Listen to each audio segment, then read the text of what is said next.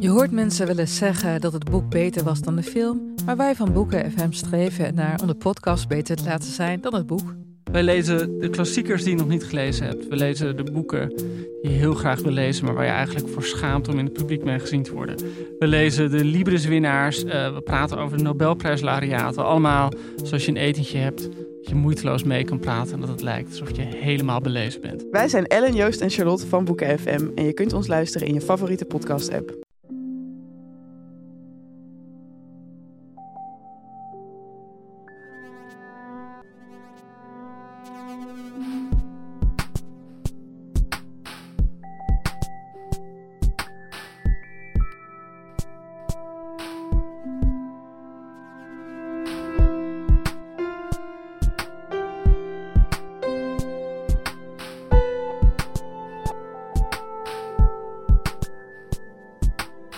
Welkom bij aflevering 7 van de Relaas podcast.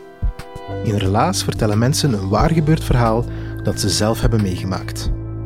Deze keer is dat het verhaal van Philippe Cox, een ambitieuze jongeman, maar dat was niet altijd het geval.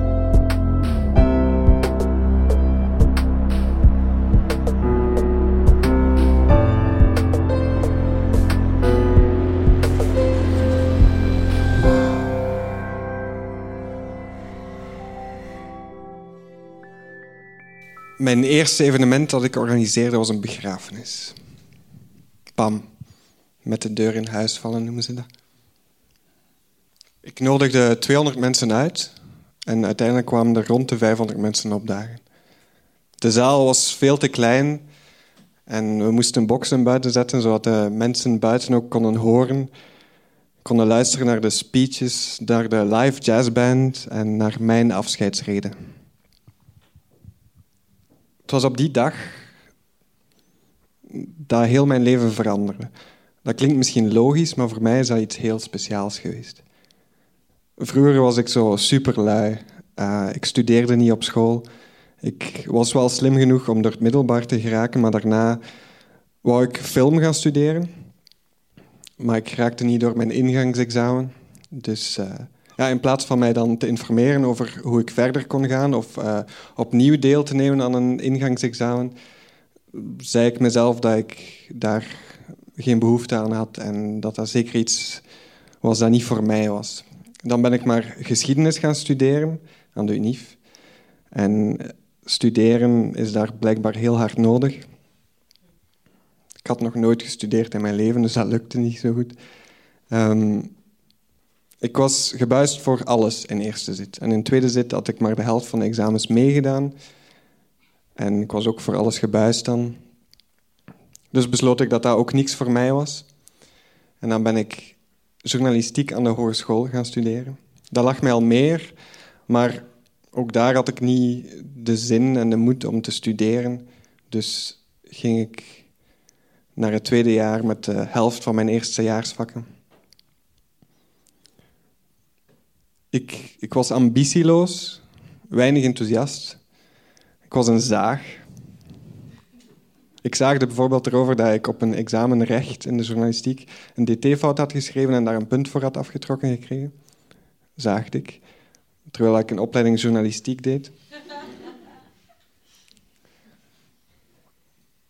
En mijn, mijn zus was eigenlijk volledig het tegenovergestelde. Zij was jong en enthousiast. Ze, ze wou alles worden. Ze was 14 jaar, ze wou saxofoniste worden. Ze kon heel mooi saxofoon spelen trouwens. Ze wou arts worden, uh, ze, wou, ze wou schrijfster worden, ze wou journaliste worden. Op school was ze heel goed in taal. Ze verbeterde vaak zo mijn artikels die ik schreef. Niet omdat ik het gevraagd had, gewoon om mij te pesten. Maar ze had altijd gelijk, dus dat was al het ergste nog. En dat ambeteerde mij zo hard, haar ambitie en haar, haar enthousiasme. En ze was eigenlijk veel slimmer dan ik. En zij was 14, ik was toen 20, 21. Maar ik kwam wel heel, heel, heel goed overeen met haar. Ik zei het al, ze speelde heel mooi saxofoon en ik speelde een klein beetje gitaar. En vaak als ik thuis kwam op zaterdag speelden we zo tot een gat in de nacht. En vooral covers van Dire Straits en Into the West van Annie Lennox was haar favoriet. Maar op haar veertiende begon ze zo regelmatig flauw te vallen.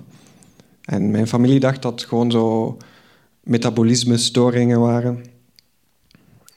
Mijn familie zijn allemaal geneeskundigen. Mijn andere zus en mijn moeder zijn verpleegkundigen en mijn broer is een gynaecoloog. Dus die weten er wel heel veel van. En ze zeiden dat dat eigenlijk normaal was voor een puber, dat ze zo af en toe eens flauw vallen. Maar bij haar was dat abnormaal veel. Dus gingen we naar de arts. En die stelde vast dat ze een te klein hartje had. Op zich niet zo erg, want met een juist dieet en veel sport en een klein beetje medicatie kan je daar de rest van je leven mee verder leven. Maar die, dat, bleek allemaal niet te helpen en ze bleef maar meer en meer flauw te vallen. Dus gingen we op, de, op het aanraden van de huisarts gingen we naar de neuroloog en die stelde epilepsie vast. Een persoon met epilepsie kan eigenlijk heel zijn leven verder leven zonder ooit nog een aanval te doen, mits hij de juiste en de juiste dosis medicatie krijgt. Maar dat afstellen van die medicatie is heel, heel, heel moeilijk. En bij haar heeft dat vier maanden geduurd. Ze lag dan ook vier maanden in het ziekenhuis, want het ging haar vrij, vrij slecht. Um, ze deed zo twee keer per week of zo deed zij een, een, epilepsieaanval. Ze was daar heel moe door. Dus werd ze zo constant uh, onder toezicht gehouden in het ziekenhuis. na vier maanden ging het eigenlijk vrij goed. Ze deed wel nog aanvallen, maar hele, hele kleintjes en niet meer zo vaak. Dus mocht ze terug naar huis, ze mocht terug naar school. Maar we merkten wel dat ze heel, heel moe was en dat ze zich niet meer zo goed kon concentreren. En op school ging het daar ook niet zo goed. Ze kreeg heel slechte punten. En ze was ook te moe om nog saxofoon te spelen. Eh, ze deed het wel, maar het lukte niet zo goed. En dat frustreerde haar heel, heel hard. We speelden ook niet meer samen, gewoon omdat ze tegen acht uur s'avonds was ze stik kapot. Dan ging ze gewoon slapen. En na kerstmis deed ze een heel grote aanval. Werd direct overgevlogen met de helikopter naar het UZ in Gent, waar drie epilepsie-specialisten zich met haar bezig hielden. Maar het ging haar echt niet goed. Ze, ze, ze kregen haar niet in greep. En bijvoorbeeld na een maand kon ze niet meer naar tv kijken zonder getriggerd te worden om een epilepsieaanval te doen. En de artsen stelden dan degeneratieve epilepsie vast. Degeneratieve epilepsie is als ze een aanval deed, worden haar hersenen aangetast, waardoor dat ze uiteindelijk meer aanvallen en ergere aanvallen krijgt. En dat gaat zo door. Exponentieel gaat dat. Zoiets hadden ze zelf nog niet meegemaakt. Dat is ook in, in de geschiedenis van de geneeskunde ook nog niet zo vaak voorgekomen. Dus een behandeling bestaat daar niet voor. Maar ze waren aan het zoeken. Het ging haar dan af en toe eens wat beter en dan ook weer wat slechter. En in die tijd dat ze dan in het ziekenhuis in Gent lag, ben ik elke dag bij haar voorbij geweest. Elke dag bij haar langs geweest. En op goede momenten babbelden we. Dat ging allemaal heel goed. En op slechte momenten sliep zij en las ik in een boek. Maar na korte tijd kon ze dan ook geen volzinnen meer praten, omdat haar hersenen echt aangetast worden door die aanvallen. Ze, ze was wel nog altijd zo heel levenslustig. Ze was nog altijd het, het, toffe jonge meisje van 15 toen, dat ze altijd geweest was. Ze zei bijvoorbeeld tegen ons: Alles komt goed. Met een grote glimlach. Zij die daar lag en wij die daar zaten, zei tegen ons dat alles wel goed zou komen. Een tijdje later kon ze niet meer zelf eten maar alles met een glimlach. Ze was er bijvoorbeeld vast van overtuigd dat ze eind dit jaar met haar jazzband, waar dat ze in speelde, haar jazzorkest, naar Chicago zou, zouden gaan. Want ze waren uitgenodigd daarvoor voor een groot festival. En een tijd later was het, was het heel, heel erg. Want omdat die frequenter voorkomen, die aanvallen, en, en erger worden, zat ze op het einde bijna in een constante epilepsieaanval. En dat, dat deed heel veel pijn. En de artsen wisten echt niet meer wat ze moesten doen, want ze hadden geen tijd meer om dingen op te lossen. Ze hadden geen tijd om nieuwe medicatie te, te proberen. Een laatste idee was om haar brein even rust te geven, dus haar in een artificiële coma te leggen, zodat haar brein even kon rusten en haar dan zo een soort van resetten. Haar dan weer wakker laten worden. Gewoon dat ze wat meer tijd hebben om oplossingen te zoeken. Ze hebben dat met ons overlegd, maar ze hebben dat ook met haar overlegd. Het enige wat ze zei is: Mama, ik wil slapen. En het laatste wat ze tegen mij zei was: slaap al. Die begrafenis was zo het kantelmoment van mijn leven. En ik had heel die organisatie op mij genomen, gewoon omdat ik wist dat ik moest bezig blijven. En ik zag hoe dat mijn familie ermee omging en ze waren echt kapot. En ik, ik had zo nog zo net nog een beetje macht om, om, om dat te organiseren. Dus deed ik dat. Als ik een succes kan noemen, dan was het een heel groot succes. Uh, en daarna moest ik gewoon blijven gaan. Want elk moment dat ik stil lag, kwamen alle emoties weer naar boven en dat wou ik niet. Ik was er niet klaar voor op dat moment, dus ik bleef gaan. Ik begon op alles ja te zeggen en dat heeft mij wel heel erg geholpen. Ik ben uh, bij Urgent gegaan, de radiozender, waar ik meehielp met evenementen organiseren. Ik heb daar talenten ontdekt die ik ervoor niet wist dat ik die had. Ik, uh, ik heb mijn eigen ochtendshow opgericht.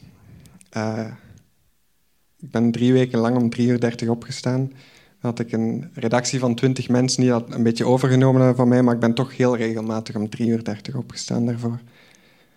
Maar ik sliep ook niet zo goed. Ik moest echt afgemat zijn, mentaal afgemat zijn om deftig te kunnen slapen. En dan ben ik toneel beginnen spelen. Ik was al lang gefascineerd door theater en ik dacht eigenlijk, waarom zou ik het niet zelf doen? Dus ben ik naar een casting gegaan en daar kreeg ik dan plots de hoofdrol. Dus was eigenlijk een Duitse soldaat en ik ben een Duitser en ik kan goed Duits, dus dat was wel logisch dat ik die rol ging krijgen. Maar ja, we zijn dan op tour geweest en dat was een groot succes in West-Vlaanderen. Ik denk dat ik in totaal voor 4000 mensen gespeeld heb, zes keer uitverkocht. Dan ben ik uitgenodigd geweest door het Duitse parlement om daar te gaan spreken. Niet enkel voor heel veel hoogwaardigheidsbekleders, maar ook voor de Duitse televisie. 12 miljoen kijkers. Dat was wel zot. En nu ben ik met toneel bezig. Ik speel een monoloog momenteel. Ik mag op tour in Duitsland. En het is nu pas, eigenlijk zo'n paar maanden geleden, dat ik beseft heb dat mijn leven weer normaal geworden is. Dat ik ook eens pauzes kan nemen zonder daar volledig kapot van te zijn. En dat ik rustig kan verder leven. Ik ben nog altijd ambitieus. Ik weet wat ik wil doen. Ik ben gelukkiger dan ooit. Ik sta met mijn voeten zo, misschien zo net iets boven de grond. En ik mis Clara, mijn zus, maar wel met een glimlach.